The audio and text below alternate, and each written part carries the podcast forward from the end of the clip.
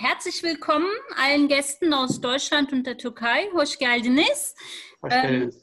Ähm, wir freuen uns über eine so große Teilnehmerzahl. Wir erwarten eigentlich noch doppelt so viele, aber die kommen wahrscheinlich peu à peu rein.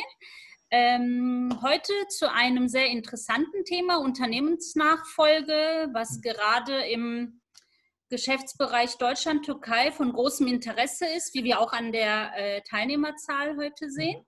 Ähm, und deswegen auch ein ganz, ganz großes Dankeschön an ähm, unser Mitglied Hallo. Ersus Koca Anwaltskanzlei. Vielen Dank, Medisanum, vielen Dank, Roland Bey, vielen Dank, Serhat Bey.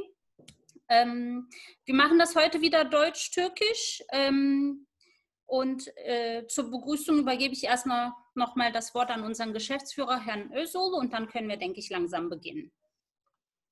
Teşekkür ediyorum. E, tüm katılımcılarımızı Türk-Alman Ticaret ve Sanayi Odası adına saygıyla selamlıyorum.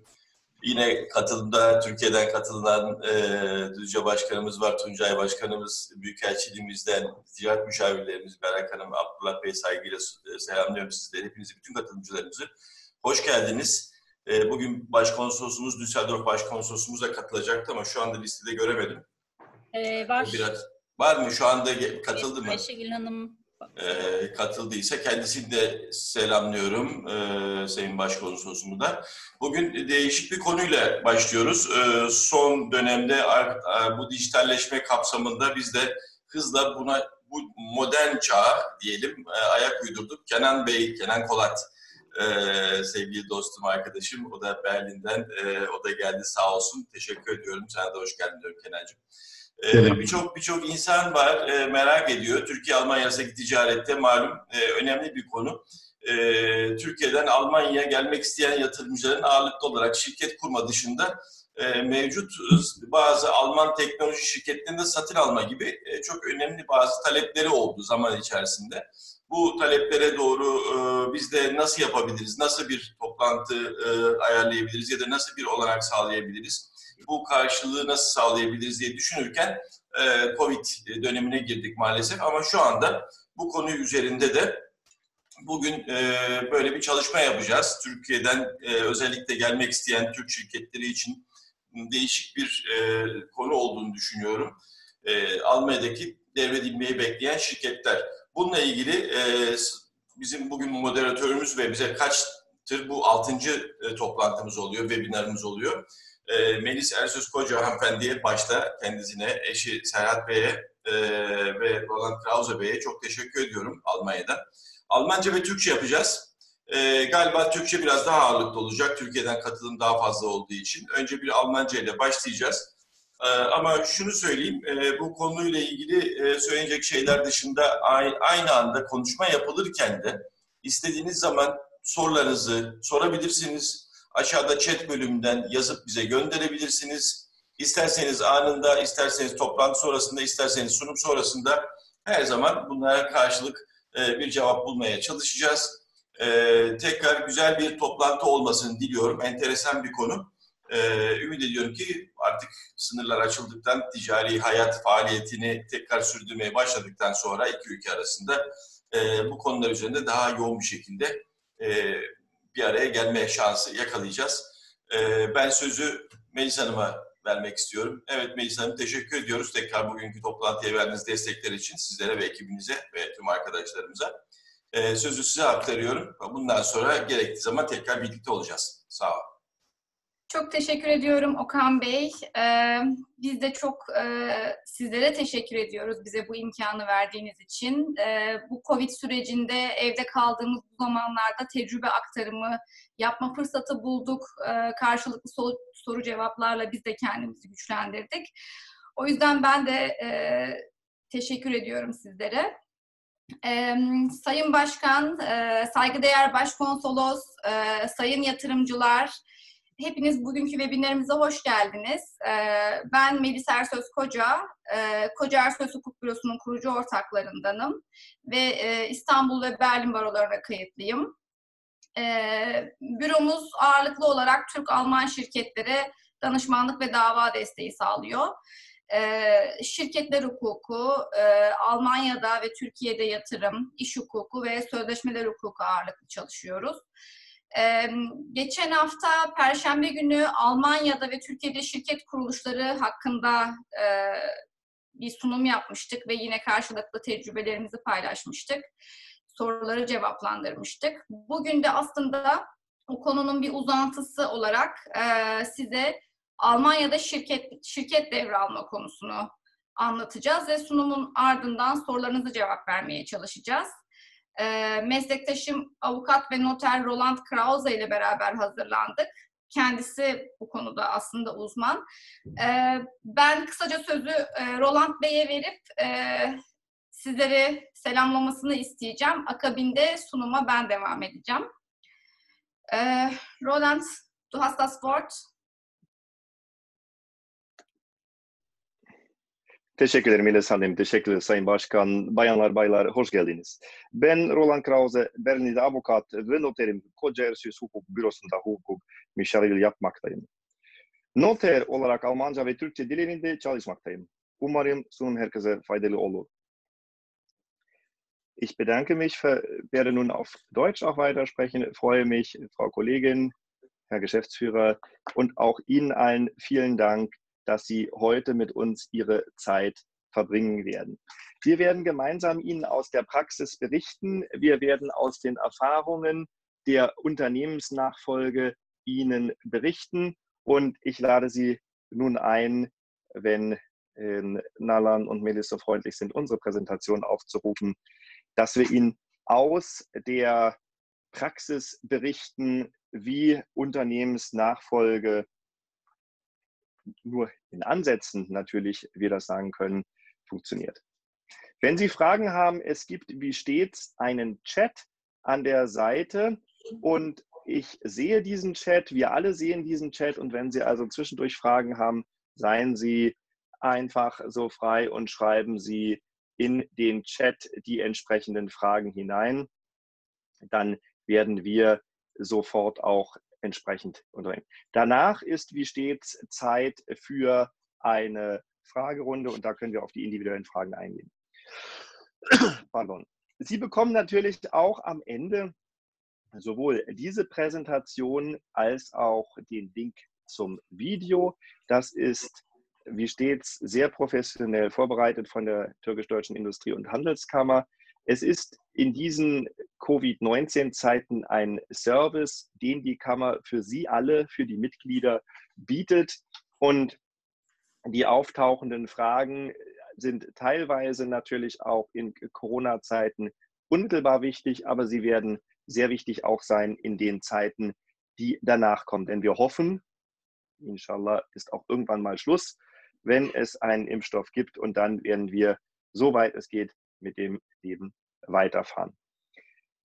Ich bin im Berliner Büro tätig, unserer Kanzlei. Wir sind ein internationales Büro mit Sitz in Berlin und Istanbul und ich berichte Ihnen aus der Sicht eines deutschen Notares und wir können dann mit der nächsten Folie starten. Unternehmensnachfolge ist ein ähm, interessantes Themenfeld. Ich habe mich hiermit in den letzten 15 Jahren beschäftigt das ist jetzt ein Aufsatz, der ist jetzt schon elf Jahre alt, aber am Inhalt hat sich aktuell nichts geändert. Es gibt nachfolgend noch einige andere Aufsätze, die geschrieben worden sind.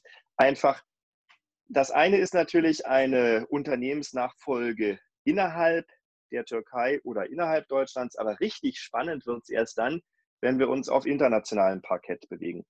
Richtig spannend deswegen, für mich als Notar, weil dann natürlich das internationale Privatrecht eine große Rolle spielt und wir es übergreifend mit vielen Aspekten des Gesellschaftsrechts, Familienrechts, Erbrechts und des Zivilrechts zu tun haben. Und andererseits natürlich auch hier viel größere Chancen liegen in einer internationalen Expansion.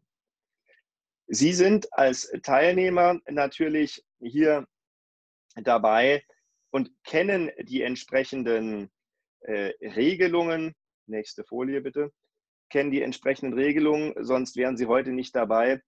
Wir fragen uns natürlich Unternehmensnachfolge, was ist daran überhaupt speziell? Eigentlich ist Unternehmensnachfolge schlicht gesprochen nicht mehr und ähm, als ein Unternehmenskauf. Ich gebe nun weiter an Melis Hanım. Sie wird entsprechend das auf Türkisch begleiten. Melis, buyurun. Teşekkür ederim Roland. Ee, aslında e, sunum Roland Bey'in ama tabii ki katılımcımız e, ağırlıklı Türkçe konuştuğu için e, paslaşarak yapacağız. E, ben aktarımı yapacağım sizlere sunumu. Daha sonrasında soru cevap kısmında e, tekrar e, devam edeceğiz. Bu e, Roland Bey'in aslında bu konudaki teori çalışması. E, biz sadece pratik olarak değil, teoride de bu alanla ilgileniyoruz. Evet Almanya'da aslında e, sıfırdan bir şirket kurmak, bu şekilde Alman pazarına girmek tek e, imkan değil. Almanya'da faal olan, müşterisi olan ve belki de sizin sektörünüzde çalışan, devredilmeyi bekleyen şirketlerin devralınması e, bugünkü konumuz. Biliyorsunuz Almanya'da nüfus yaşlı ve şirket sahiplerinin mirasçıları bazen bu şirketlere devam etmiyorlar ya da bazen mirasçıları olmuyor. E, bu şirketler tüm mal varlıklarıyla tüm müşteri portföyüyle birlikte satılıyorlar. Ee, şu an bizi dinleyen yatırımcılarımız için e, belki de Almanya'da şirket kurarak Almanya pazarına değil de bir şirket devralarak girmeniz e, belki bu imkanı da düşünmüş olursunuz bu sunumun sonunda. Evet tabii ki Almanya'da şirketi nasıl devralacağız noktasında devam eden bir şirketi nasıl devralırım, nasıl bulurum, e, bu şirketin yönetimine nasıl geçerim e, gibi başlıca sorular e, karşımıza çıkıyor. Şirket devralma dediğimiz konu aslında şirketi satın alma anlamında hukuken. Bu da iki türlü oluyor. Ya aile içinde şirket tek bir kişiye geçiyor bütün hisselerle ya da harici bir alıcı çıkıyor ve şirketi tamamen satıcıdan e, satın alıyor. Bugün harici alıcı e, olarak Türk yatırımcıları ilgileneceği için bu, e, bu konuya daha çok ağırlık vereceğiz. E, e, bir şirketi devralıp e, işletmeye başlamak bunun ne gibi bir avantajı olur diye soracaksınız muhakkak. Bunun avantajı e, devralan şirketin aslında devraldığı günden itibaren bir cirosu olur ve şirket pazarda yerini bulmuştur. Çoğu zaman yaptığımız şirket kurulumlarında şirketin pazarda yerini bulması birkaç yıl sürebiliyor. Ee, en azından burada doğrudan işletilmekte olan bir şirketi devralarak pazara gire, girebilirsiniz. E, ve bu şirketin çalışanları vardır. Bu çalışanlar da işi bilir ve devam ettirirler. E, fakat yine de e, sizin bu şirketin rekabetçi yapısını korumanız, mevcut müşterilerin memnuniyetini sağlamanız ve yeni müşteriler kazanmanız gerekiyor. Ve işçilerin de pozisyonunu tabii ki sağlamlaştırmanız gerekiyor işveren olarak. Burada bazı şirket borsaları söz konusu. Burada aslında devredilmeyi bekleyen çok sayıda şirketi görebilirsiniz. Bunlardan en büyüğü Next Change. Ee, Next Change Alman Ekonomi ve Enerji Bakanlığı'na bağlı ve buradan destekli bir platform ve yine yerel İHK'larca, ticaret odalarıyla da destekleniyor. Ee, Next Change'in sayfasına girdiğinizde şu an 5399 şirketin devredilmeyi beklediğini görebilirsiniz. Ve buradan yine sektör bazlı e, arama yapabilirsiniz. E, ve yine bazı önemli noktaları e, görebilirsiniz. Tabii ki bütün detaylar burada verilmiyor ama yine de aşağı yukarı bütçenize göre e, cirosunu, satış fiyatını bazı şirketlerin e, yazıyorlar. Bunlar sizde bir ilk izlenim oluşturabilir. Onun dışında yine diğer büyük bir borsa Deutsche Unternehmer Börse. Burada da şu an aktif 510 tane devredilmeyi bekleyen şirket var. Ee, burada da göreceksiniz mesela e, şu üçüncü sıradaki Dr. Winkler Consulting. Burada bir e, araba satış acentesi Kuzey Almanya'da satışta. Yıllık cirosu 3 milyon, 1 milyon 300 bin eurodan satışa çıkmış durumda ve e, details kısmına tıkladığınızda birkaç önemli detaya daha buradan ulaşabiliyorsunuz ve e, sizin e, şartlarınıza uyan şirketi buradan en azından e, arayarak birkaç şirkete indirebiliyorsunuz. Burada yine devredilmek isteyen e, şirketlerin yer aldığı başka başkaca platformlar ve siteler de var. Fakat bu ikisi öne, e, en öne, en çok tercih edilen en büyük borsalar ve bunların amacı alıcı ve satıcıları bir araya getirmek. Ee, şirket devralma aşamaları nelerdir diye bakacak olursak ilk etapta şirketin bulunması. Şirket genelde bu borsalardan ya da tanıdıklar vasıtasıyla bulunuyor. Ee, bir şirketi bulduktan sonra siz kendiniz de bizzat yazışabilirsiniz ya da avukatlarınız, e, mali danışmanlarınız tarafından da bu yazışmaları başlatabilirsiniz. E, akış aslında e, standart bir şirket satın alımı gibi yürüyor. E, bir niyet mektubu imzalanıp gizlilik anlaşması imzalanıyor pratikte e, ve due diligence başlıyor. Due diligence nedir diyecek olursanız aslında e, alacağınız şirketi bütün hatlarıyla bilmenizi e, sağlayan bir rapor. E, burada şirket modelinin anlaşılması ve analizi e, ilk etapta öne çıkıyor. Almanya'da Türkiye'de olmayan şirket tipleri var. E, sermaye şirketi ve şahıs şirketinin birleşme, birleşiminden oluşan bir takım şirket tipleri var. Türk hukukunda olmayan. Bunlarla ilgili sorumlulukları ve yapıları da anlamanız gerekiyor. E, due diligence'da bunu da anlamış oluyorsunuz.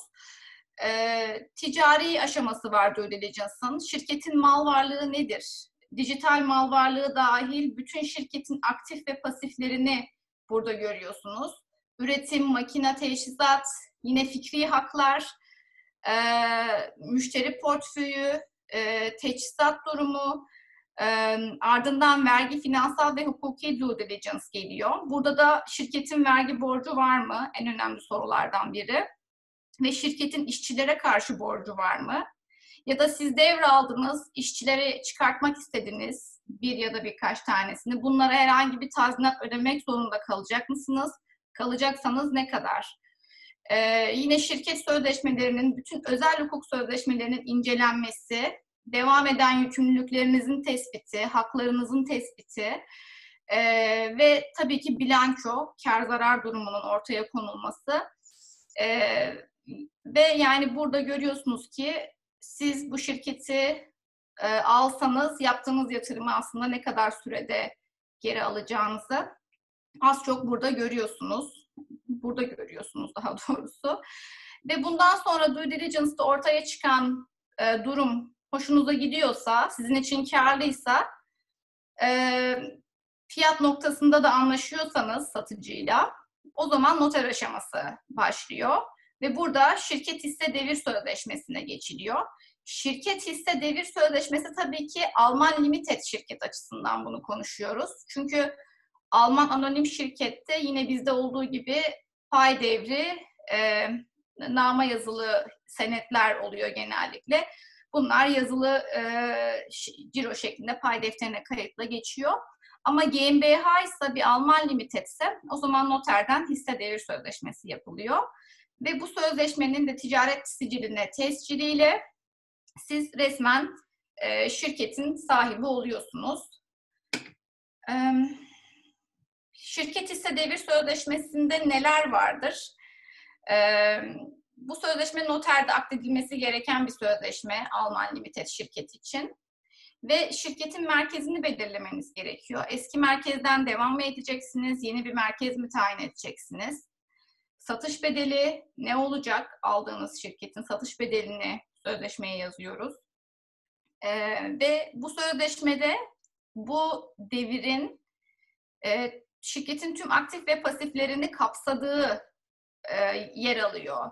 Yani şirketi küllen alıyorsunuz. Burada bütün taşınmazlar, ipotekli, ipoteksiz, şirketin araçları, lisansları, marka patentleri, makinaları, işçilik sözleşmeleri ve tüm işle ilgili evraklar, alacaklar, borçlar küllen size geçiyor.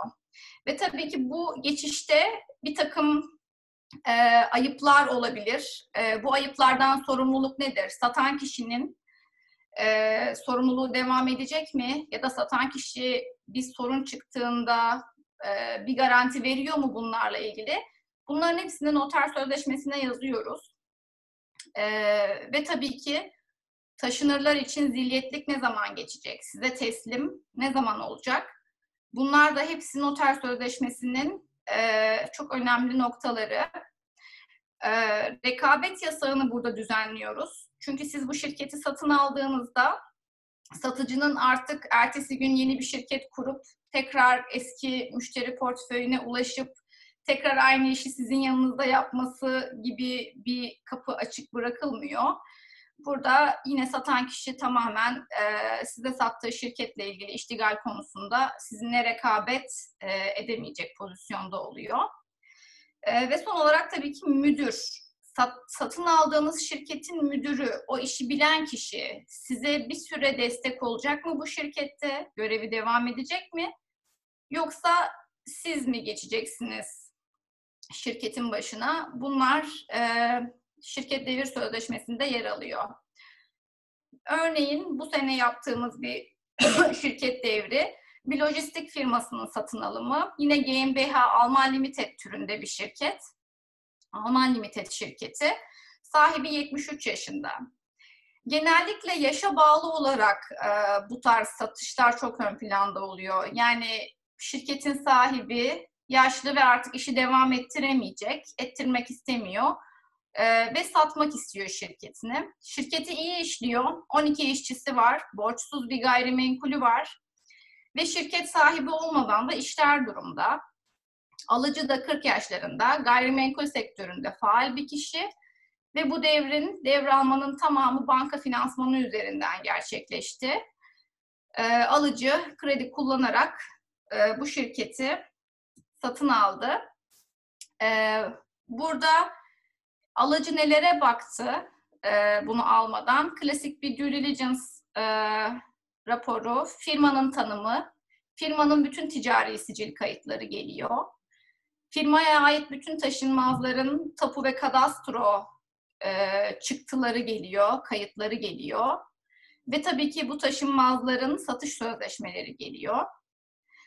Ee, akabinde yine işle ilgili evraklar, BVA dediğimiz şirketin ekonomik yapısını gösteren e, rapor, Zalden liste dediğimiz e, Türkiye'de mizanına karşılık gelen yine e, şirketin bütün ekonomik verilerini ortaya koyan finansal tablolar. Onun dışında şirket e, ihracat, ithalatla ilgilenen bir şirketse yine gümrükle ilgili bütün e, belgeleri geliyor.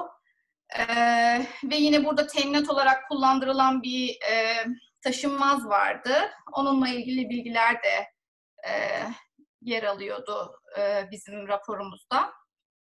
Bu da bir e, e, şirket pay devri sözleşmesi nasıl görünür? Size bir bakış açısı vermesi için. E, bazen de devir yüzde yüz olmuyor. E, bazen de Türkiye'deki yatırımcı yüzde elli ile girmek istiyor Almanya'da kurulu bir şirkete ya da daha küçük bir hisseyle giriyor. O zaman da tabii ki e, yüzde kaçlık bir hisse alacaksınız bu şirkette e, ve bu aldığınız hisseye karşılık ne kadar bir ödeme yapacaksınız? E, bunların belirlenmesi gerekiyor. E, tabii yine e, alıcının size verdiği fiyatla ne kadar e, kendinizi bağlayacaksınız? Aslında şirketin değerin, değeri için tekrar burada bir küçük de olsa due diligence yap, yapılması size e, yani size bunu tavsiye edebiliyoruz. E, çünkü firmanın değerini görmeniz gerekiyor. E, dostluk dostluk ilişkileri bazen ilerleyen aşamalarda sorun çıkarttığı için en başta her şeyi bilerek e, girmenizi tavsiye ediyoruz biz avukat ve noter olarak. E, ve tabii ki şirkette karar alma, karar nisap oranı ne olacak? E, yarı yarıya giriyorsanız bu şirket nasıl karar alacak? Bunların belirlenmesi gerekiyor. Siz kararlarda ne kadar söz sahibi olacaksınız? E, bunların hepsi yine e, noterde yapılacak pay devri sözleşmesinde yer almak zorunda. E, ve yine dediğim gibi bu sözleşmede noterde akdediliyor. E, bu işin masrafları aşağı yukarı ne olacak diye bakarsak due diligence için avukat ve mali müşavir masrafları işletmenin e, boyutuyla e, boyutuna bağlı. Aktif pasiflerine ve yapılacak araştırmaya bağlı. Noter harçları da işletmenin bilançosundaki değerlere göre hesaplanıyor. Bunlar kanuni harçtır. Almanya'da herhangi bir notere de yani noter noter değişmez. Aynıdır e, Almanya çapında. E, ve bilançonun yaklaşık yüzde bir buçuk kadarı masraf olarak tutmakta burada. Size bir fikir vermek açısından. Ve son olarak da sicile tescil masrafı var. Bu noter sözleşmesi akdedildikten sonra noter uygulamada alıcıya 14 gün süre veriyor. Ve bu alıcının da 14 gün içinde şirket satış bedelini ya noterin 7 emin hesabına yatırması lazım ya da doğrudan satıcıya yatırması lazım. Satıcı notere haber verecek parayı aldım diye. Ve ondan sonra noter sicili evrakları gö- e, gönderip tescil için e, tescil talebinde bulunuyor. Ve bunun da tescil masrafı bir Alman limited şirket için 200 euro civarında. E, bu tabii ki size genel hatlarıyla e, bir bakış açısı yaratmak için e, biraz da kısa tutuyorum. Daha çok sorularınızı almak istiyoruz. E, tabii ki sorularınız da aslında sadece bu alanda olmak zorunda değil. Pardon, katılımcı listesinde geçen hafta da e, talep gönderen fakat katılamayan e, katılamayanlarınız olabilir. Yine Almanya'da şirket kuruluşu ve bugünkü konu hakkında da genel olarak sorularınızı almak isteriz. Dikkatiniz için teşekkür ediyoruz. Teşekkür ediyorum. Ee, Melis Hanım e, sağ olun. Bu arada e, aramıza yeni katılan e, katılımcılarımız da var. Onlara da tekrar merhaba diyoruz. E, soru sormak isteyenler varsa açık açık rahat bir sohbet ortamı halinde düşünelim biz bu işi. Aslında e, birazcık daha sohbet ediyormuş gibi kendi aklımıza gelen soruları e, rahatlıkla sorabiliriz. E, bu konuyu çok derin bir konu çünkü. Ee, ve Melis Hanım'ın anlatmaya çalıştığı hususlar genel hususlar. Bunlar her firmanın kendi özeline göre farklılık arz edebilir gayet tabii ki. Ee, dolayısıyla bu e, firmanın büyüklüğüne göre hisse devri ya da azınlık hisse devri isteyebilir Almanlar. Sadece belli ölçülerde ortaklık isteyebilirler. Tamamını devretmek isteyebilirler. Aslında benim bu o, olayı düzenlemek için istedim, yani bunu daha ziyade e, iki senedir yaklaşık olarak düşünüyoruz bunu yapmak istiyoruz. E, sebebi de şu 2018 başında e, KfW denilen Almanya'nın en büyük e, banka yatırım bankasının yazmış olduğu bir rapor vardı. Bu rapor yayınlandığında Şubat 2018'de 2019 sonuna kadar 240 bin, 2023 sonuna kadar yaklaşık 600 bin devredilmeyi bekleyen firma olduğundan bahsedilmişti. Ve biz bu raporu e, Türkçe'ye çevirdik kendi sayfamızda yayınladık. Aynı zamanda bizim de çevirmiş olduğumuz, tercüme etmiş olduğumuz raporun Türkçe halini TDİAK, Türk Alman Ticaret Sanayi tarafından tercüme edilmiştir diye onlar kendi sayfalarında da yayınladılar. Dolayısıyla bu ilginç ama iş işin en önemli püf noktası e, böyle bir müşteri e, bulalım o zaman bir alıcı var bir tane firma bulalım dediğin zaman işte orada duruyor işler. Çünkü istediğiniz firma piyasada yok. Orada bir takım siteler var tabii doğal olarak. Bir takım aracılar vasıtasıyla sunulan genelde e, genelde anonim kalınan, doğrusu da bu zaten. Kimse kendi markasının değerini düşürmek istemez. E, bu çerçevede birçok e, kanaldan araştırmak gerekebiliyor. Onun için de e, bizler burada her halükarda her konuda destek olmaya çalışıyoruz. Onun için de zaten bunu yapmak istiyoruz. Çünkü Türkiye'den e, bu yönde talepler başta da söylediğim gibi çok fazlaydı. Şu dönemde nedir bilmiyorum ve bu korona sonrası dönemde bu talepler tekrar eskiden olduğu gibi artmaya başlayacak mı? E, Almanya'ya doğru bir talep patlaması olacak mı? Bilmiyorum ama tahminim o yönde yine. E, küçük de olsa hem Alman e, markası e, sahibi olmakla bir şekilde rekabet şansını arttıran bir husus. O şekilde değerlendirmek lazım. Çünkü burada üretim yapan bir kuruluşu e, aldığınız zaman eğer üretici ise tabii ki bu teknoloji üretiyorsa bu firma bunu satın aldığınız zaman aynı zamanda Made in Germany e, markasını da satın almış oluyorsunuz. Uluslararası alanda rekabet gücünü de e, kazanmış oluyorsunuz. Belki aynı malı siz Türkiye'de çok daha ucuza mal edip e, satma imkanına sahipsiniz ama genel pazar payı hep verdiğim örnekler değişik toplantılarda 100 euro ise bunun ortalama yurt dışındaki satış maliyeti siz Türk malı olduğunuz için belki 15-20 euroya ancak satabiliyorsunuz. Çünkü Made in Germany'nin her zaman bir pazar payında önemli bir değeri var. Yani aradaki fark sadece ülke markası kısaca. Dolayısıyla bu da bir avantaj sağlıyor. O çerçevede düşünüldüğünde birçok e, farklı avantajlar olacaktır.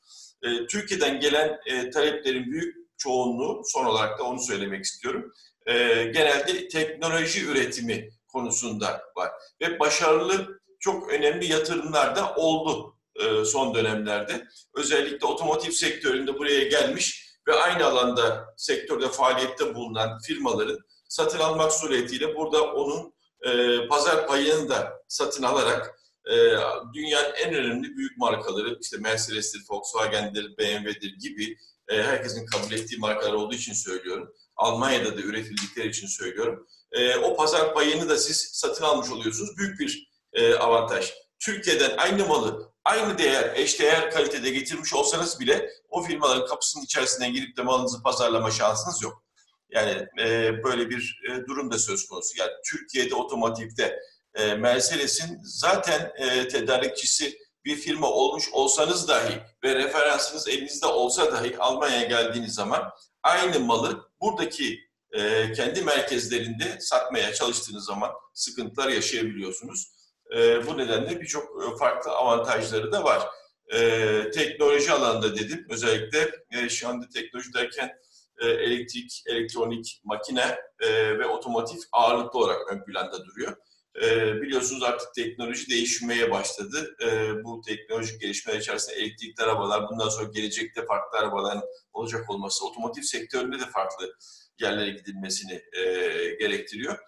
Bu ve benzeri alanlarda çok pazar e, imkanı olabilir diye düşünüyorum. Evet ben burada toparladım. E, biraz kısmi olarak bilgi şöyle vermek istedim. Pratikten talepler, bize karşılaştığımız sorular, e, olası sorular ve bu konuda yaşanmışlıklardan, best practice diyebileceğimiz olaylardan kısa bir derleme yaptım. E, bu anlamda soruları olanlar var. Yavaş yavaş bazı sorular geliyor galiba. E, ben e, Melisa Hanım size tekrar topu geri atıyorum. Teşekkür ediyorum güzel e, sunumunuz için. Sağ olun.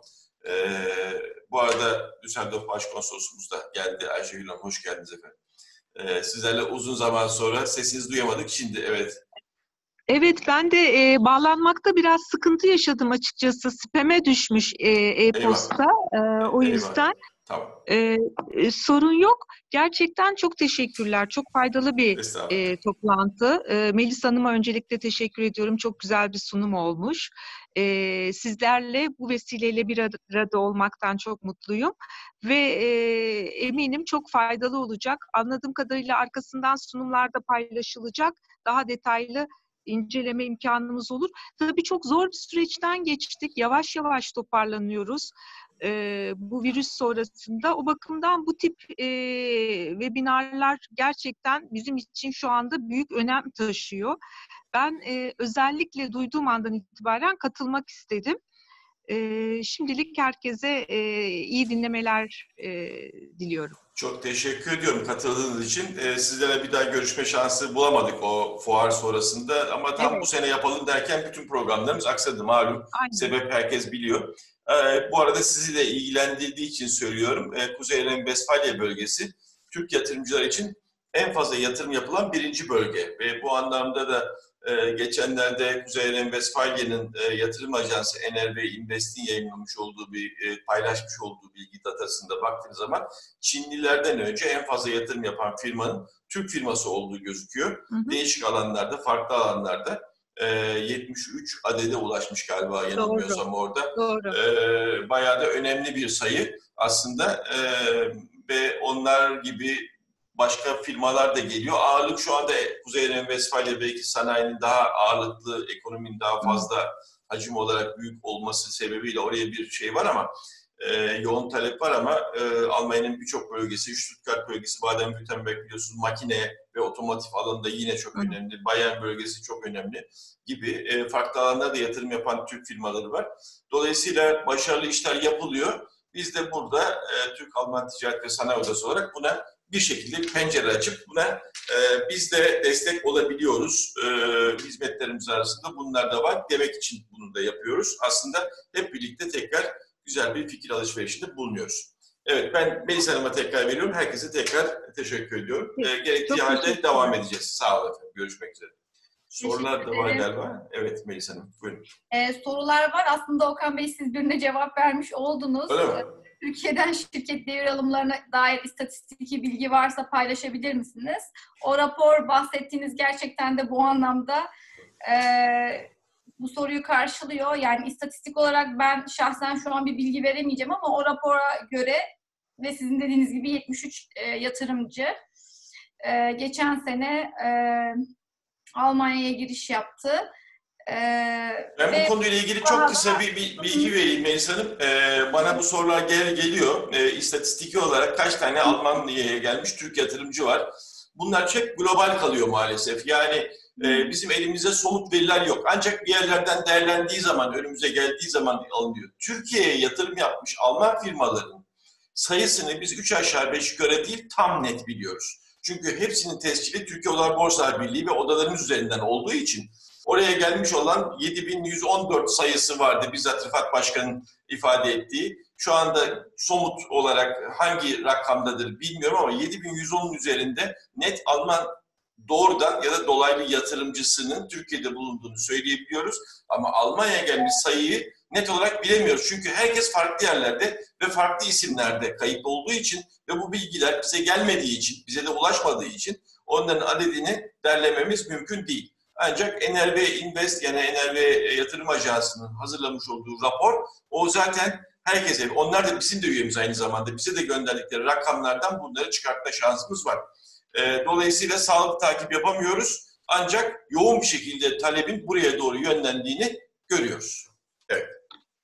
Okan Bey bir şey söyleyebilir miyim? Buyurun efendim. Buyurun. Ee, biz zaten bu e, biraz önce bahsettiğiniz 73 firmamızı yakından takip ettik. Ee, Anıl Hanım da belki eklemek isteyeceği şeyler olacaktır ticaret ateşimiz. Evet. Süreci başından sonuna takip ettik. Hatta e, onlarla ilgili Ekonomi Bakanı'nın da katılımıyla 22 Nisan'da bir etkinlik yapacaktık.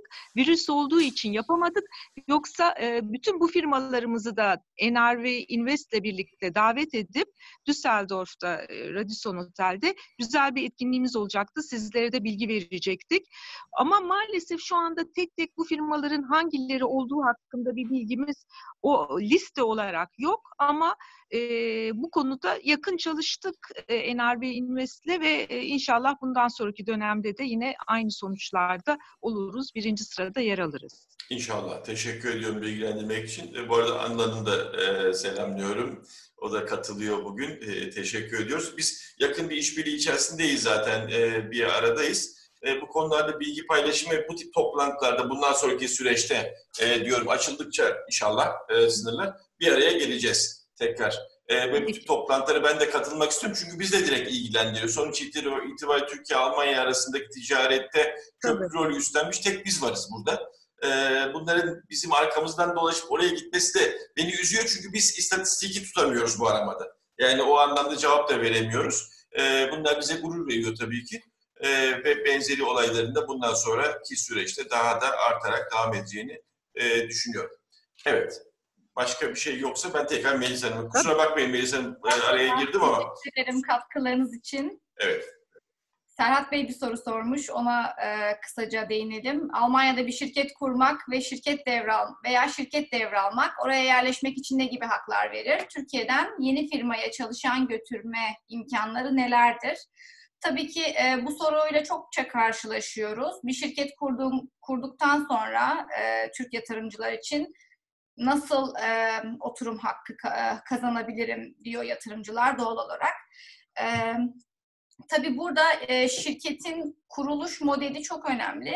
İlk etapta bir GmbH kurduktan sonra, bir Alman Limited kurulduktan sonra e, şirketin e, yetkilisinin Türkiye'de oturduğu bölgeye göre yetkili Alman konsolosluğundan oturuma yönelik vize alması gerekiyor. Burada tabii ki bir takım formlar var. Bu şirket ortağı genel müdür olarak gidebilir ya da serbest çalışan olarak gidebilir. Bunun gerektirdiği evraklar, vize prosedürü biraz farklı. En uygun modeli seçiyoruz o kişiler için. Ve kişi oturum vizesini alıp geldikten sonra Almanya'ya e, yabancılar dairesinden ilk etapta e, sınırlı bir oturum hakkına kazanıyor. Daha sonra şirketinin cirosuna göre e, bu oturum uzatılıyor ya da e, uzatılmıyor ya da tekrar sınırlı süreli olarak veriliyor. E, ve yine tabii buna bağlı olarak da bu kişi e, ailesini de Almanya'ya getirme imkanına sahip oluyor.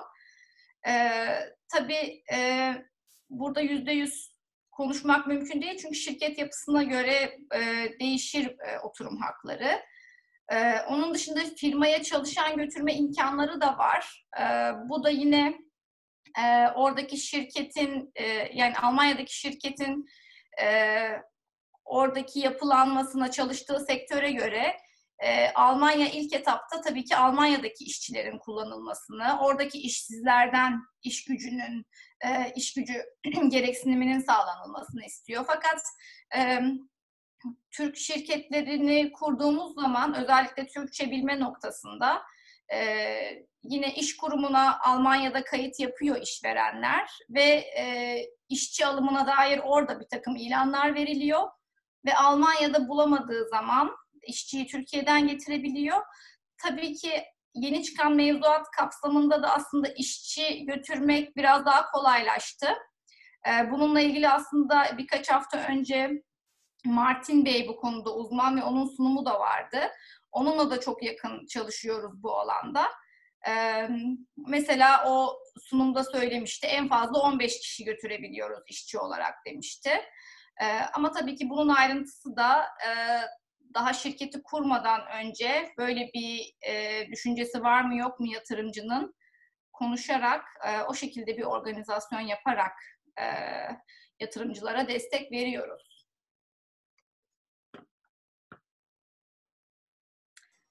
Diğer bir soru rica ederim. Ee, Hanım'ın ve Abdullah Bey'in de soruları vardı. Berak Hanım bilmiyorum Abdullah Bey'in sorusuyla örtüşüyor mu sorunuz yoksa Abdullah Bey'in sorusundan benimki farklı. İsterseniz e, onu cevaplandırın.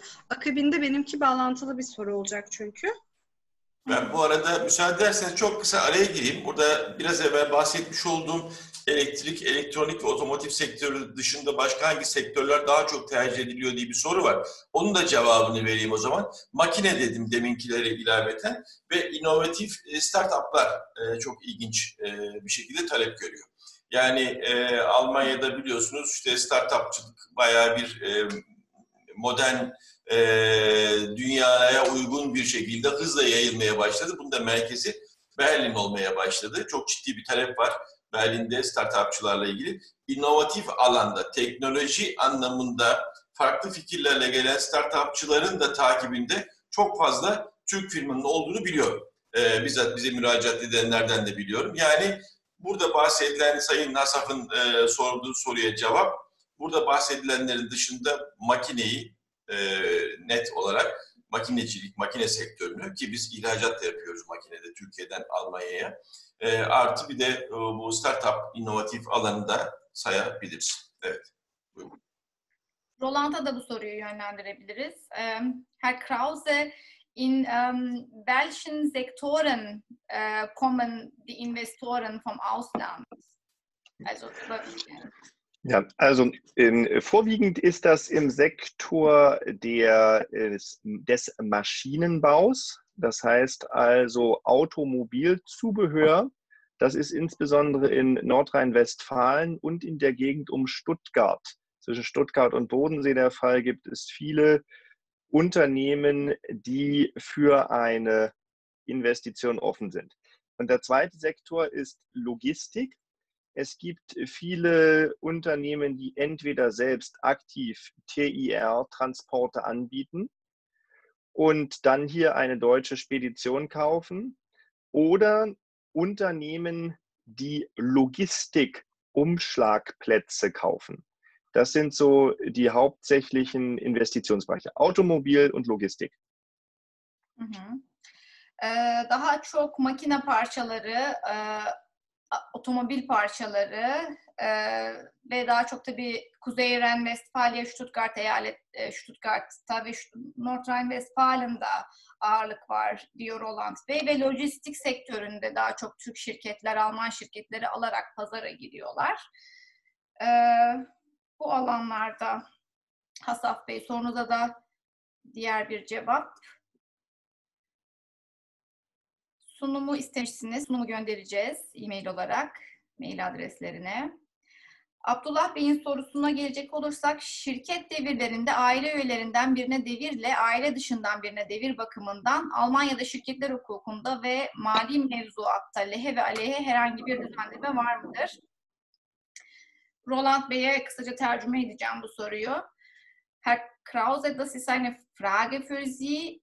Äh, bei Unternehmensnachfolge, gibt es irgendwelche Unterschiede zwischen ähm, also die Unternehmenskauf in der Familie oder extern? Also äh, im finanziellen Sinne äh, und im gesellschaftsrechtlichen Sinne. Ja, also äh, wir müssen schauen, gesellschaftsrechtlich ähm, kommt es auf die Satzung an, ob bei dem Unternehmen nur innerhalb der Familie verkauft werden darf. Das ist eher selten, gibt es aber bei manchen Unternehmen. Gesellschaftsrechtlich ansonsten gibt es keine Vorteile. Steuerrechtlich gibt es immense Vorteile. Wenn Sie das Unternehmen innerhalb der Familie behalten, also es also innerhalb der Familie übertragen, zahlen Sie auf die gesamte Übertragung höchstens 5% Steuern. Meistens aber lässt es sich so machen, dass man 0% Steuern zahlt auf die gesamte Übertragung. Okay. Ee, şirketler hukuku anlamında şirketin ana sözleşmesine bakmak gerekiyor diyor Roland Bey. Eğer şirket ana sözleşmesinde bir bağlam varsa yani e, bağlam ne demek? Mesela sadece aile içi devre imkan veriyorsa şirket sözleşmesi, üçüncü kişilerin bir şekilde girişini e, ön şart koymuşsa e, o zaman belki aile içindekilerin avantajı olur ama genelde böyle bir şarta çokça rastlamıyoruz diyor. Vergisel olarak da aile içinde çok avantajlı bir e, durum. E, çünkü maksimum yüzde beş e, devir vergisi ödüyorsunuz. Çoğu zaman hatta yüzde sıfır ödeniyor diyor kendisi. Ee, ben izninizle bağlantılı bir soru sormak istiyorum. Aynı şekilde e, bu mevzuati açıdan e, bu şirketlerdeki teknolojilerin devre, devirlerine ilişkin kısıtlamalar var mı? Yoksa yine bunu da hani e, hukuki olarak e, mevzuattan ziyade yine sözleşme şartlarına mı bakmak lazım? Yine e, ikinci olarak da e, şirketleri devralırken çalışanları da mı devralmak zorunda? Yani sonuçta bu şirket devirlerinde e, bunları sadece mali olarak firmaların elden ele geçmesi olarak e, bakamayız. Sonuçta bu firmalarda çalışan insanlar da olacak. Dolayısıyla e, bu içindeki çalışanların tüm sosyal hakları vesaire e, bu anlamda satın alacak e, kişileri de e, bağlayacaktır diye düşünüyorum. Dolayısıyla bu çalışanlarla birlikte mi yoksa değil mi? E, teşekkür ediyorum. Rica ederim. Herr Krause, ähm, wie ist die Übertragung äh, der technologischen äh, Assets der Gesellschaft? Gibt es irgendwelche Beschränkungen oder kann man das irgendwie beschränken, einige ausschließen lassen? Und, äh, und noch äh, über die Arbeitsverträge. Muss man alle Arbeitnehmer auch mit der Firma übernehmen oder kann man das auch anders regeln?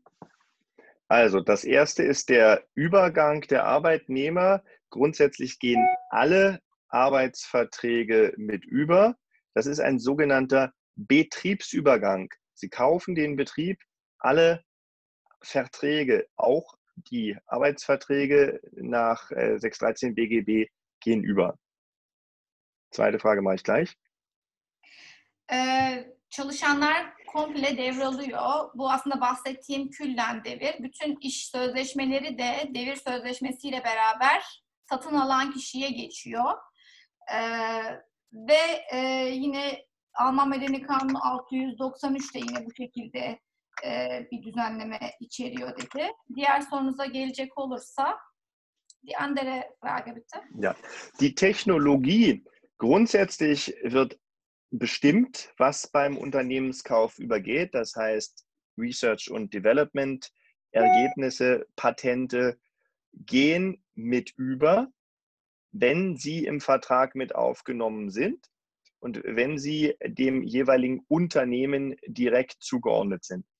Man kann sie herausnehmen, wenn also der Verkäufer einen Teil noch will. Sie müssen beim Unternehmen nicht alles kaufen, sondern beim Unternehmenskauf wird genau geschrieben, was Sie alles kaufen und was Sie nicht kaufen. Hı. Teknoloji olarak marka, patent, lisanslarda bunlardan e, bazılarını dışarıda bırakabilirsiniz. E, devir sözleşmesinde nelerin geçtiğini yaz, e, yazıyoruz. E, çoğunlukla spesifik olarak hepsi geçiyor ama teknolojik olarak bazı know-how'lar dışarıda bırakılabilir diyor. E, aslında tamamen devir sözleşmesine bağlı. Neyi devralıyorsanız bunu tek tek e, şirketin e, ismi altında neleri devraldığınızı yazıyorsunuz sözleşmede. E, ve burada bir takım şeyleri de dışarıda bırakabilirsiniz diyor. Çok özür diliyorum. Ee, peki bu e, Almanya içindeki devir. Peki aynı şekilde Türkiye'ye de aynı kurallar mı geçerli Türkiye'ye? Yani bir Türk şirketinin devralması e, konusunda da mı aynı kurallar geçerli? Türkiye'de yapılan bir şirket devrinden mi bahsediyorsun yoksa Türk şirketin Almanya'daki bir şirketi devralmasından mı? Türk şirketinin Almanya'daki şirketi alıp hı hı. E, ve e, Türkiye'ye teknoloji e, transferinden e, söz ediyorum. Hı hı, Okey. Bu konu açık kaldı. Ben tekrar ileteyim soruyu. Äh, wie kann man die Technologie äh, dann in die Türkei transferieren? Ist das dann überhaupt möglich, wenn die äh, Gesellschaftsübertragungsvertrag ähm, abgeschlossen ist?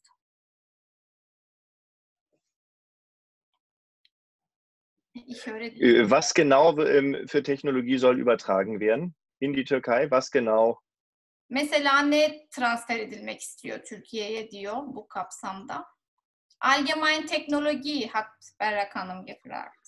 Ja, also sind äh, Technologie heißt das Patente, Marken, also immaterielle Güter? Bunlar fikri haklar olarak mı e, bunları soruyorsunuz diyor Roland Bey. Yok hayır fikri haklardan ziyade hani var olan e, atıyorum e,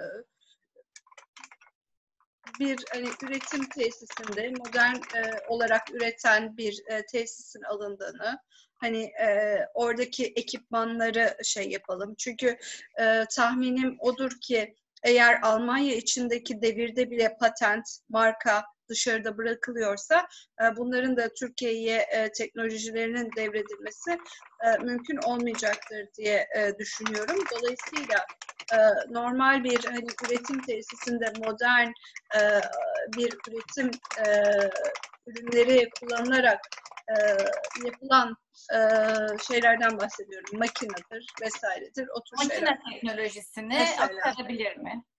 Also ähm, Berrak Hanım meinte über die Maschinentechnologie. Also wenn man, äh, sie meinte, wenn man natürlich die Patente und Marken nicht in dieser Übertra äh, über, äh, Übertragung nicht mit einnimmt, dann kann man das natürlich nicht äh, in die Türkei transferieren. Aber äh, zum Beispiel, wir haben eine Firma übernommen und es gibt auch Maschinentechnologie in einer Anlage. Kann man auch diese Technologie, Technologie auch äh, in die Türkei transferieren? Evet, Problem yok. Das funktioniert, ähm, denn das ist dem Unternehmen, was Sie gekauft haben, zugehörig, zugeordnet. Das heißt, wenn Sie mit der Muttergesellschaft oder mit Ihrer türkischen Gesellschaft oder auch privat die Gesellschaft kaufen, dann haben Sie alles, was damit gehört. Sie können sogar eine Tochterfirma in der Türkei gründen und dann die Technologie transferieren und dafür Transfer Pricing nutzen. Hı hı. Firmayı aldığınızda aslında onunla birlikte aldığınız tüm şeylerin mülkiyeti size geçiyor. Tüm mal varlığının, e, fikri hakların, mali hakların hepsi size geçiyor. Ve hatta Roland Bey der ki bu Alman şirket sizin devras Türkiye'de bir yavru şirket kurup bir takım avantajlardan da, da yararlanarak bu hakları Türkiye'deki şirketine transfer edebilir.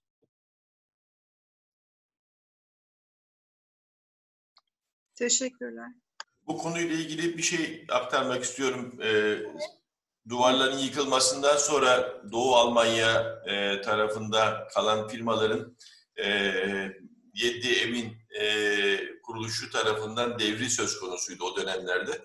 E, zaman zaman Türkiye'den de bazı firmalar gelip bir marka e, o firmaları satın aldıklarını biliyoruz.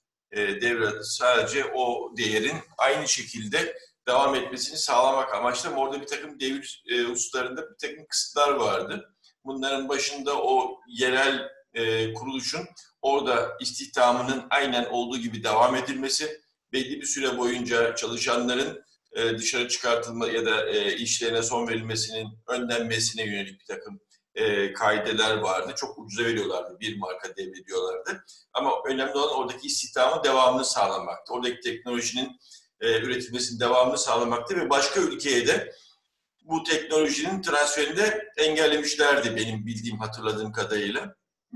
E, bununla ilgili kısıtlar var. Tabii şu andaki şartlar farklı. Bazı konular var. Biraz evvel Nalan Hanım hatta bir konuyla ilgili e, Anıl Hanım'ın sormuş olduğu bir soruyu aşağıda biraz sonra oraya geleceğiz ama yarın da ilginç bir konu var. Bu ve benzeri bir e, toplantımız var. Biraz Almanca olacak o toplantı. E, yani özellikle sağlık alanında e, firmaların satışı konusunda medikal e, ekipmanın ya da medikal alandaki e, satışlarla ilgili Almanya ve e, Brüksel'in e, bu konudaki tavrı nedir? Avrupa Birliği üyelerinin tavrı nedir? Onunla ilgili bir e, yarın webiner düzenleyeceğiz. Oradaki tavır da genelde önemli ve o ülke için önem arz eden kuruluşların satışının mümkün mertebe e, engellenmesi bu anlamda e, söz konusu ama bu konuyu yarın işleyeceğimiz için onu yarına bırakıyoruz e, arzu eden olursa katılabilir. Ama Türkçe olmayacak yarın çünkü bir e, Alman e, konumuz tarafından tamamen sunum yapılacağı için ve bu konu tartışılacağı için e, Türkçe yapamayacağız maalesef ama bu tip enteresan olaylar var. Sadece araya bilgi vermek için söyledim. Buyurun Melisa. Evet, teşekkür ederiz. Ömer Bey bir soru sormuş. Amazon veya diğer pazar yerleri üzerinden Almanya'ya ihracat konusunda bilgi verebilir misiniz? Ee, bu aslında biraz perşembe günkü e, sunuma e, giriyor. E, orada biz e, UG, bu küçük limited şirketleri anlatmıştık. Bunların genellikle Amazon ve e, eBay'de e, ticaret yapmak isteyen yatırımcılar için e, cazip olduğundan bahsetmiştik. Dilerseniz e, mail adresinize geçen haftaki sunumu da gönderelim. E, belki biraz daha sorunuza cevap olabilir bu. Ee, Yiğit Bey, Serhat Bey'in sorusunun istihdam alımı kısmı ile alakalı olarak ulusal D tipi iş arama vizesi kolaylık sağlayabilir mi? Ee, Yiğit Bey iş arama vizesinde e, bir şirket kurmanıza gerek yok. Bir yüksek okul diplomanız varsa Almanya'da tanınan e, bu ANABİ'nin sayfasından girdiğinizde H plus kategorisine giren ve yine e, 6 aylık verilen bir vize. O süreçteki mali şartları karşılayabiliyorsanız zaten şirket kurmadan da iş arama iznini, iznini alabiliyorsunuz Almanya'da. Ve iş bulduğunuzda da doğrudan orada e, oturuma çevirebiliyorsunuz bunu.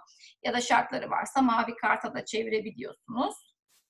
Çok kısa bu şekilde cevap vermiş olayım e, tam bu sunumun konusuyla alakalı değil. Ee, Anıl Hanım'ın sorusu, COVID-19 salgını sonrasında Al Alman merkezi hükümetinin özellikle büyük şirketlerin devri konusunda devreye girdiği, bu şirketlerin ülkede kalması konusunda hisse alımına gittiğini biliyoruz. Bu konuyla ilgili detay bilgi varsa rica edebilir miyiz? Bu konunun alıcı bulamayan ikinci, üçüncü kuşak firmaların satışından farklılık gösterdiğini değerlendiriyoruz ve biliyoruz. Ancak bilgi alma şansımız olursa memnuniyet duyarım. Bu soruyu ben Roland Bey'e iletmek istiyorum. Herr Krause, nach Covid-19, äh, deutsche Regierung hat beschlossen, die große deutsche Firmen, also die Anteilsübertragung bei den deutsch, großen deutschen Firmen zu beschränken oder also selber diese Firmen möchten. Ähm, das ist ein bisschen anders als äh, rein Unternehmensfolge. Ähm, also können Sie uns bitte über dieses Thema ein bisschen äh, informieren? Ja, also das richtet sich hauptsächlich gegen die Chinesen, die jetzt aufgrund der gesunkenen Aktienkurse billig die Lufthansa, BMW, aber auch Bayer und ähnliche große Unternehmen kaufen wollen.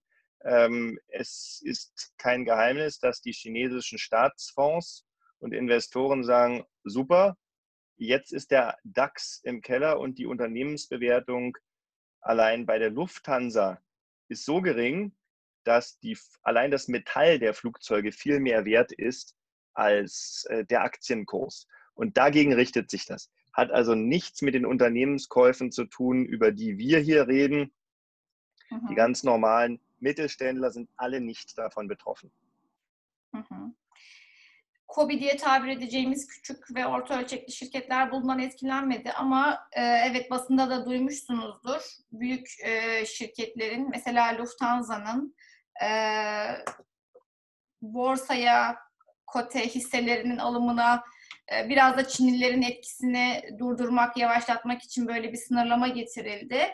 Çünkü e, borsa düştü bu olaylardan sonra ve hisse fiyatları e, çok düştü e, ve e, Lufthansa'nın bir hissesi artık onun e, uçağın bir parçasını karşılayamayacak şekilde düştü ve buna devlet e, müdahale etti. Ama bu müdahaleler kesinlikle e, küçük ve orta ölçekli şirketler için geçerli değil. Onların devirlerinde herhangi bir sıkıntı yok.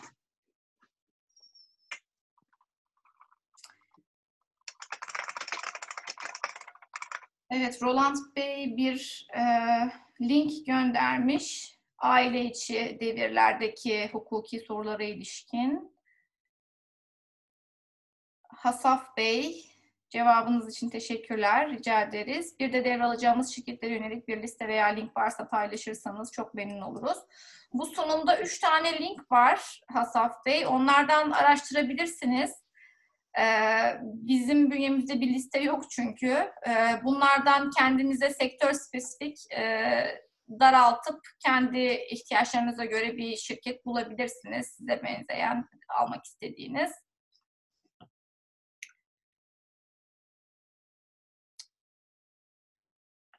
Herr Krause, ähm, es gibt eine Frage an Sie in Chat. Okey. Okey. Ee, Roland Bey bu soruya Almanca cevap verdi. Almanca soruya chat kısmından.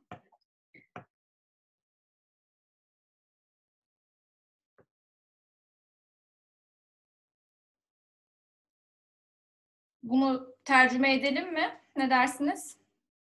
Bence edebilirseniz kısaca e, değinebilirsiniz. E, soru ve cevabı yani Almanca yazıldığı için Türkçe bilmeyen, e, Almanca bilmeyenlere e, kısaca tamam.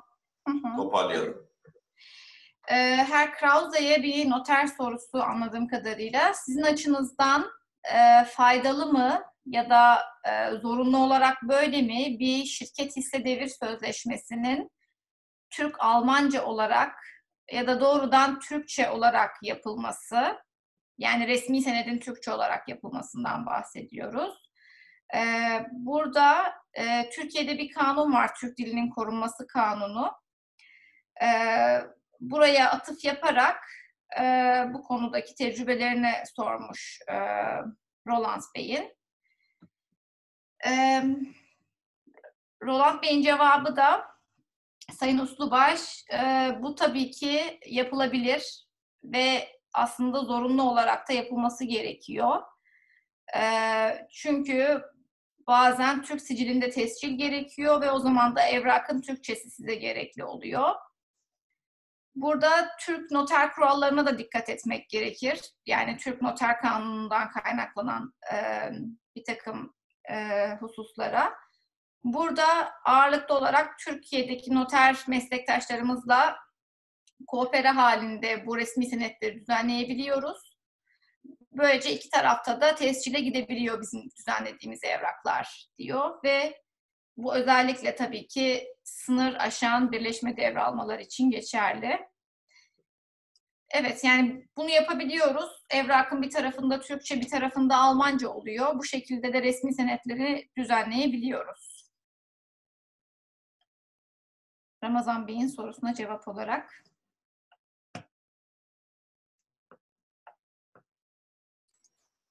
Evet, teşekkür ediyoruz. Başka soru sormak isteyen varsa tekrar şu anda vaktimiz vardı aslında. Ee, zaman içerisindeyiz. 15 dakika daha var, 15-17 dakika kadar. Ama ona bağlı olmaksızın da sorularınız olursa cevaplamaya çalışacağız. Yani kısaca aslında şirket devirlerinde e, Türkiye'den buraya gelen firmaların e, satın almalarda dikkat edeceği hususları genelde öz, özünde bahsettik. Ama çok enteresan bir şey vardı. Biraz evvel size bahsetmiş olduğum bir e, rapordan e, tekrar söz etmek istiyorum. KF'nin hazırlamış olduğu raporda 600 bin civarında 2023'e kadar şirketin devredilmesi bekleniyor denmişti ve bunun içerisinde maalesef biz de karıştırmayın dediler sonra bize. Yani biz sadece bu bilgiyi veriyoruz. Dedik ki bizde 600 bin şirketten bahsediyorsunuz. Bari 600 tane firmayı ismini verin. Yani en azından bir ipucu verin. Ona karıştırmadılar bizi ama şöyle bir ifadeleri vardı. Bu ilginçti. Due diligence dediğimiz olayın yani şirketin devralınması ile ilgili yapılan tüm teknik analiz ve çalışmaların olduğu süreç, sürecin zaman zaman 3 seneye kadar uzayabildiği e, söyleniyor. Yani çok büyük firmalarda e, büyük bir teknoloji üreten firmanın satın alınması ben gittim parayı getirdim anlaştık el sıkıştık yarın ben geliyorum gibi olmuyor. Çünkü çok detaylı bir olay var. Bir de Türkiye'den gelen firmaların bence dikkat etmesi gereken hususlardan bir tanesi daha eski bankacı olduğum için de aklıma geldiği için de söyleyebilirim. Ee, bir şirket yürürken Alman şirketin, Alman bankalarındaki kullanmış olduğu finansal kaynakların bir Türk firma tarafından o şirketin üstlenilmesi halinde aynı banka tarafından aynı şekilde kullandırılmaya devam edip etmeyeceği hususu biraz zaman zaman sıkıntı yaratabilir. Yani Alman banka bunu istemeyebilir. Çünkü e, historisini bilmediği, kendisini tanımadığı bir şirketin gelip de bir Alman teknoloji firmasını alması ya da büyük bir firmayı satın alması halinde e, o finansmanı aynı koşullarla sürdürmek istemeyebilir. Kaynaklarda e, kısıntıya gidebilir. Finansmanda geri çağırma söz konusu olabilir. E, bunlar yasal e, belki sınırlar içerisinde e, hepsi bir anda olmak zorunda değil ama bir sürü efekt de olabilir, karşılaşabilecek sorunlar. Bir de tabii en önemlisi de şunu düşünüyorum. Türkiye'den gelen kişi burada bir teknoloji ya da bir Alman firması pazar payı olan, pazara girmiş, yıllardır burada olmuş bir Alman firmasını satın aldığı zaman kendi adamını doğrudan getirip şirketin başına koyması halinde orada da tabii e, kendi aleyhine sonuçlar doğurabilir. Çünkü bu bir tecrübe işidir, bu bir tanınma işidir. E, genelde e, burada yıllardır bu işin başında yürümüş ve bu pazarlamayı yürüten e, ekibin ya da o Alman müdürün ya da yetkilisinin ya da icra kurulu başkanının e, nasıl tanımlarsak tanımlayalım e, belli bir süre daha bu işin başında devam etmesi gerektiği konusunda genel bir e, eğilim var ya da genel öneriler var. Yani sadece bilgi olarak paylaşmak istedim. E, çünkü Türkler ben parayı verdim hemen kalk e, ben oturuyorum yarın ben bu işe gidiyorum dediği zaman bilmediği bir pazarda sıkıntı yaşayabilir. Başka bir şey var mıydı? Bu arada bir, e, Serhat Bey'in bir cevabı bir şeyi var. Bu konuyla ilgili size veriyorum sözü tekrar Meytan Evet, iki ülkede iş yapma şekilleri farklı. E, haklısınız, kültür farkları var. E, sistemler farklı işliyor, hukuk farklı. Her ne kadar bizim birçok kanunumuz Almanya'dan gelse de yine uygulama olsun e, ya da bazı nüanslar olabiliyor. E, o yüzden e, sunumda da bahsettiğim gibi geçiş sürecinde eski müdür bir süre müdür olarak kalabiliyor devralınan şirkette. Ya da yine iki müdür tayin edilebilir. Türkiye'den gelen de yine müdür olabilir. İki müdür e, tayin ederek de şirket devam edebilir. E, çünkü gelen kişi de belki e, oturum sahikiyle geliyor olabilir. Hayatını Almanya'ya çekmek için geliyor olabilir.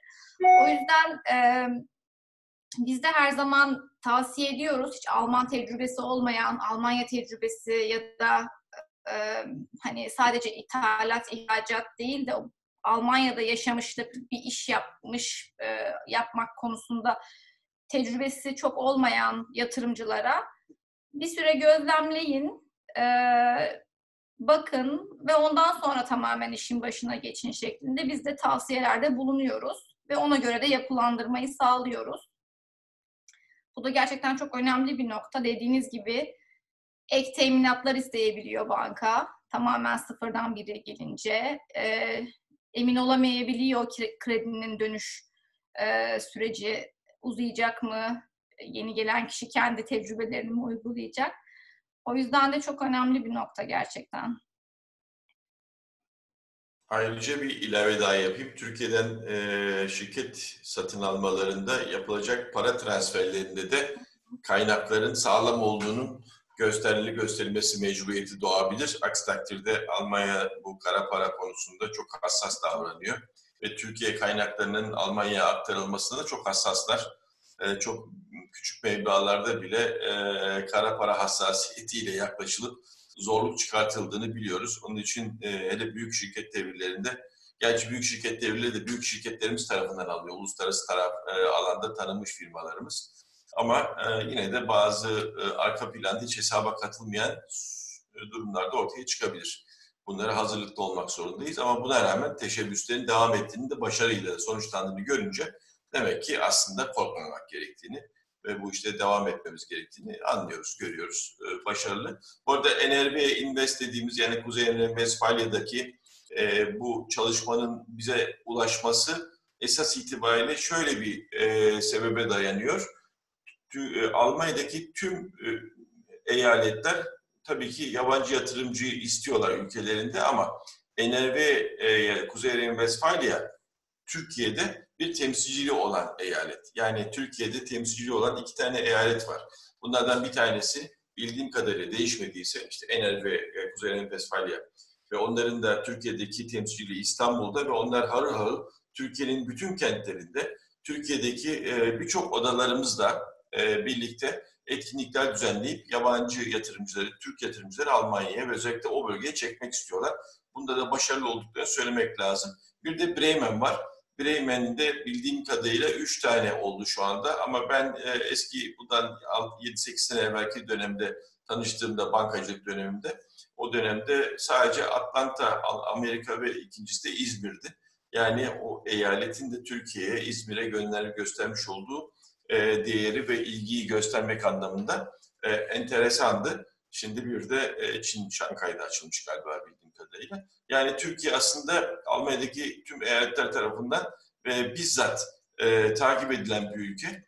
Şunu da söyleyeyim, e, özellikle Hessen eyaletinde e, Frankfurt e, Büyükşehir Belediye Başkanı'nda e, bizzat İstanbul'a giderek benim yine bankacılık döneminde oradaki yatırımcılarla bir araya gelip Almanya yatırımcı çekmek için toplantı yaptığını e, bizzat ben biliyorum. Çünkü ben de katıldım o toplantıya. E, Almanya'da banka olarak, e, banka temsilci olarak Almanya'ya gelmiş bir bankanın başarılı bir e, örnek olan bankanın temsilcisi olarak da bunu aktarmak anlamında tecrübelerimizi katılmıştık. Yani bu süreçte devam ediyor. E, farklı alanda şu anda aslına baktığınız zaman Berlin'de çok enteresan farklı bir e, döneme girdi şu anda. E, Berlin e, aslına baktığınız zaman 1930'lu yıllarda Avrupa'nın en büyük sanayi kentiyken savaş sonrası e, paramparça olmuş ve sanayisi çökmüş bir kent haline döndü maalesef. Dolayısıyla şimdi sanayisini tekrar toparlamaya çalışan ve yabancı yatırımcıyı da baş şehir olması sebebiyle de çekmeye başlayan gittikçe ilgi çekici gittikçe büyüyen rakamlarıyla, göçüyle her sene 40 bin ilave katın oluyor Berlin'e geliyor. Gittikçe büyüyen bir e, yatırım anlamında, e, büyüyen bir eyalet anlamında e, ön plana çıkmaya başladı. E, ama tabii ki diğer eyaletlerden özellikle Kuzey Ren-Vesfalya'nın getirmiş olduğu avantajları e, taşımıyor şu anda. Daha şu an için. Evet. Evet, yani aslında iki federe ülkenin şartları farklı. Çünkü aslında Berlin'de bir sanayi yok. Berlin'e evet. gelen şirketlerimiz çoğu zaman hizmet ağırlıklı geliyorlar. Ya da yine e, üretim anlamında geliyorlarsa biraz daha civar eyaletlere e, gelebiliyorlar. E, ama yine Berlin'de şu son dönemde çok revaçta olan bir şehir. E, biraz Türk yatırımcıların da başkent sevgisi olsa gerek. Ee, ama yine de Almanya'nın neresinde olursanız olun, bir yatırımcıysanız, bir e, yatırım fikriniz varsa yine güzel imkanlar e, sunuyor size devlet teşvik anlamında. Ama bu çok uzun bir konu. Ee, bunu tabii ki spesifik olarak çalışmak gerekiyor. Ee, ama KVF'nin e, KFV'nin e, yeni kurulan şirketler ya da şirket devirlerinde de bir takım finansman imkanları var. E, KVF'nin e, KFV'nin internet sitesinden de bunlara bakıla, bakabilirsiniz. E, onun dışında sorularınızı bize her zaman yöneltebilirsiniz. E, şu Bu arada bir başka... sorumuz var ama galiba Anıl Hanım'dan bir soru gelecek galiba gibi hat evet. görüyorum. Bir de Kenan Bey galiba anlatacak. Buyurun. E, önce Anıl Hanım sizden alalım. Merhabalar. Ee, programın akışını bozmamak için başta söylemedim. Teşekkür ediyorum. Ee, çok verimli bir toplantı oldu hepiniz için. Ee, sizin KRV'ye özellikle değindiğiniz için birkaç ekleme ben de yapmak istedim. Başkonsolosumuz da ifade etti. Biz de gelişmeleri yakından takip ediyoruz burada. Bu sene 73 yeni firmamız geldi ya da büyüyen firmamız burada tekrar farklı bir yapılanmaya gitti. Ee, biz de bunu çok önemsiyoruz. Sadece KRV özelinde değil, Almanya genelindeki bu durumun dikkate alınması gerektiğini düşünüyoruz. Ee, bunları biz sadece burada bir firma alımı ya da şirket alımı olarak görmüyoruz. Bu Türkiye'den katılımcılarımız için ben söylemek istiyorum. Ee, buraya gelen firmalarımızın ihracat potansiyelini ya da buradaki marka algısında güçlendiren sonuçlar e, doğuruyor bu. Yani iki taraf için de kazan kazan diye değerlendirilebilir. Almanya pazarı için söylüyorum. Her ülke için aynı şey geçerli olmayabilir tabii ki. E, o yüzden Türk yatırımcılarımızın sadece KRV'de değil Almanya'daki varlıkları bizler için hem övünç kaynağı oluyor e, hem de e, burada daha güçlü varlığımızı sürdürmemize katkıda bulunuyor. NRV Invest'ten bahsettiniz. NRV Invest'in çalışmalarını biz de takip ediyoruz. Kendileriyle yakın temas halindeyiz. Ama dediğiniz gibi bazen e, şeffaflık konusu sınırlı olabiliyor. Her bilgiye bizler de ulaşamıyoruz sizin gibi.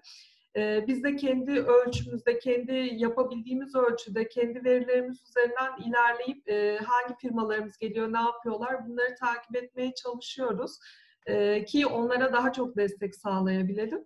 O nedenle bugün sizin düzenlemiş olduğunuz TDİHK'nın düzenlediği webinar ya da NRV Invest'in faaliyetleri ya da AHK üzerinden birlikte yapacağımız faaliyetler bizim ticaret ateşeliklerimizi de bölgede daha güçlü kılıyor. Ben bunu da vurgulamak istiyorum.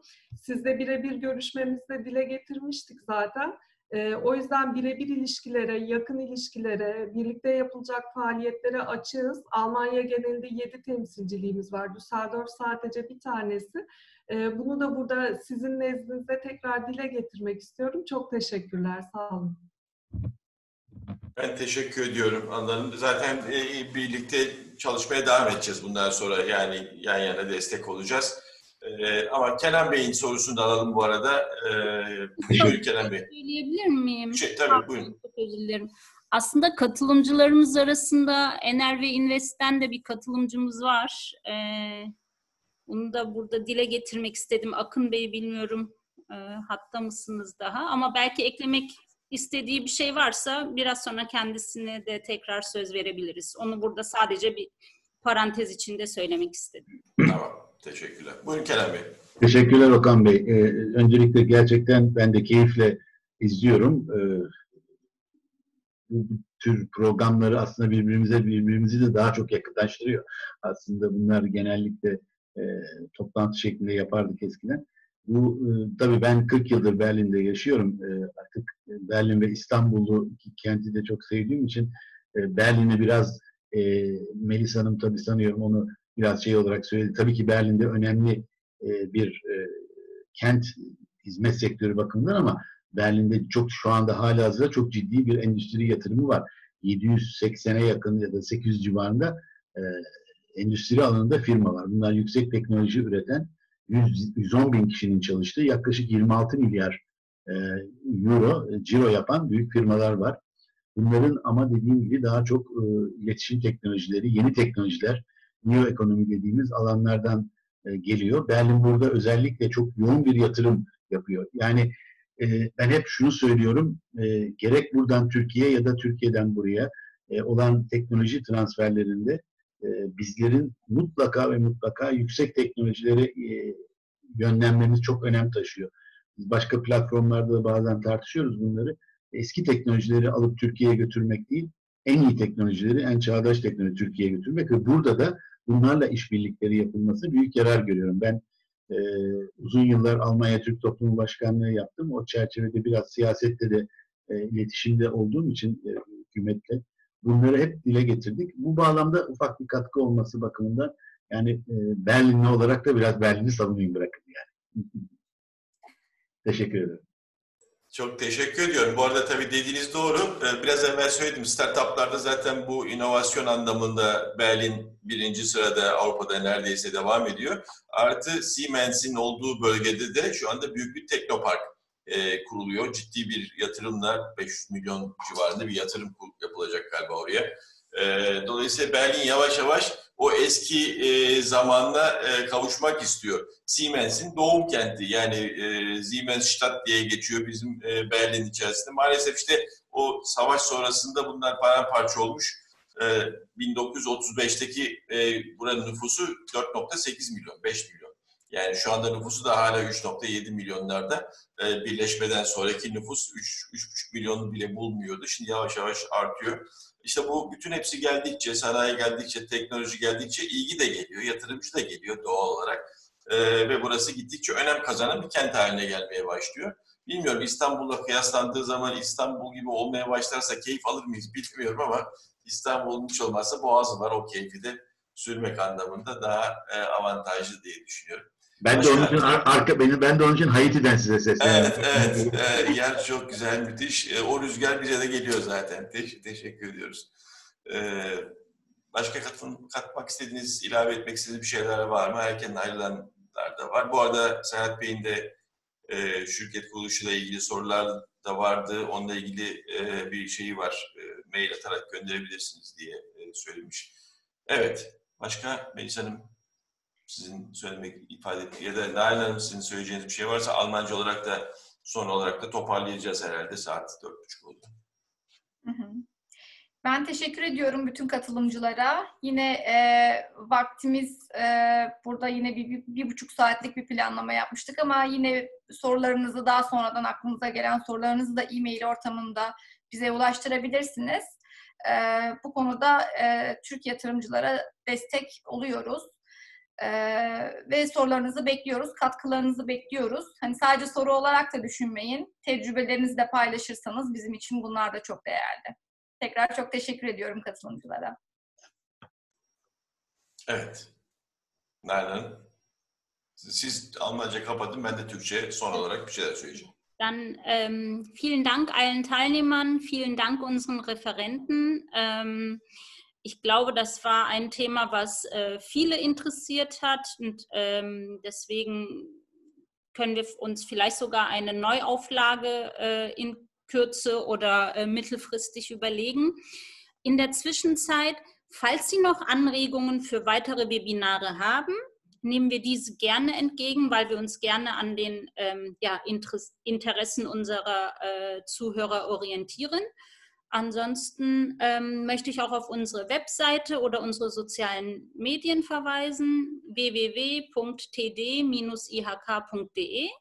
Dort finden Sie Hinweise auf unsere künftigen Webinare. Das nächste folgt morgen. In der nächsten Woche haben wir noch zwei weitere und noch viele weitere werden, äh, denke ich, folgen. Aber wie gesagt, falls Sie Anregungen haben, Themen, die Sie interessieren, scheuen Sie sich bitte nicht, diese uns mitzuteilen und ähm, äh, wir suchen nach Möglichkeiten, diese dann umzusetzen. Vielen Dank. Evet, ben de son olarak e, bizlere destek veren başta Melis Hanım, e, Bay Krause, e, Serhat Bey e, size çok teşekkür ediyorum. Tüm katılımcılara teşekkür ediyorum. Sayın Başkonsolosum, ticaret eşilerin, e, ticaret müşavirlerimiz, büyükelçiliğimizden, oda başkanlarımız ve tüm katılımcılarımıza e, bize bugün e, burada toplantıda var olmak ya soru sormak suretiyle desteklerle e, katkıda bulunan herkese çok teşekkür ediyorum.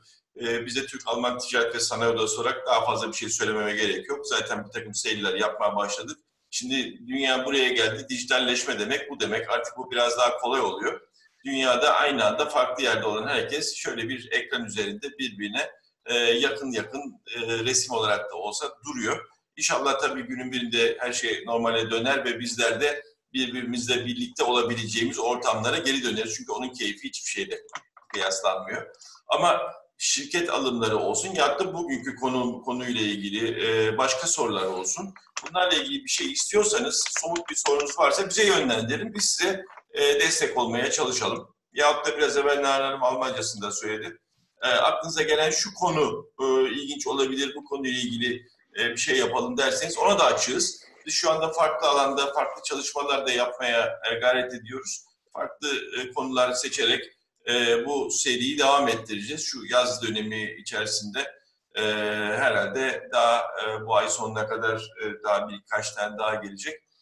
bundan sonraki süreçte daha sık sık bir, arada olacağız diye düşünüyorum.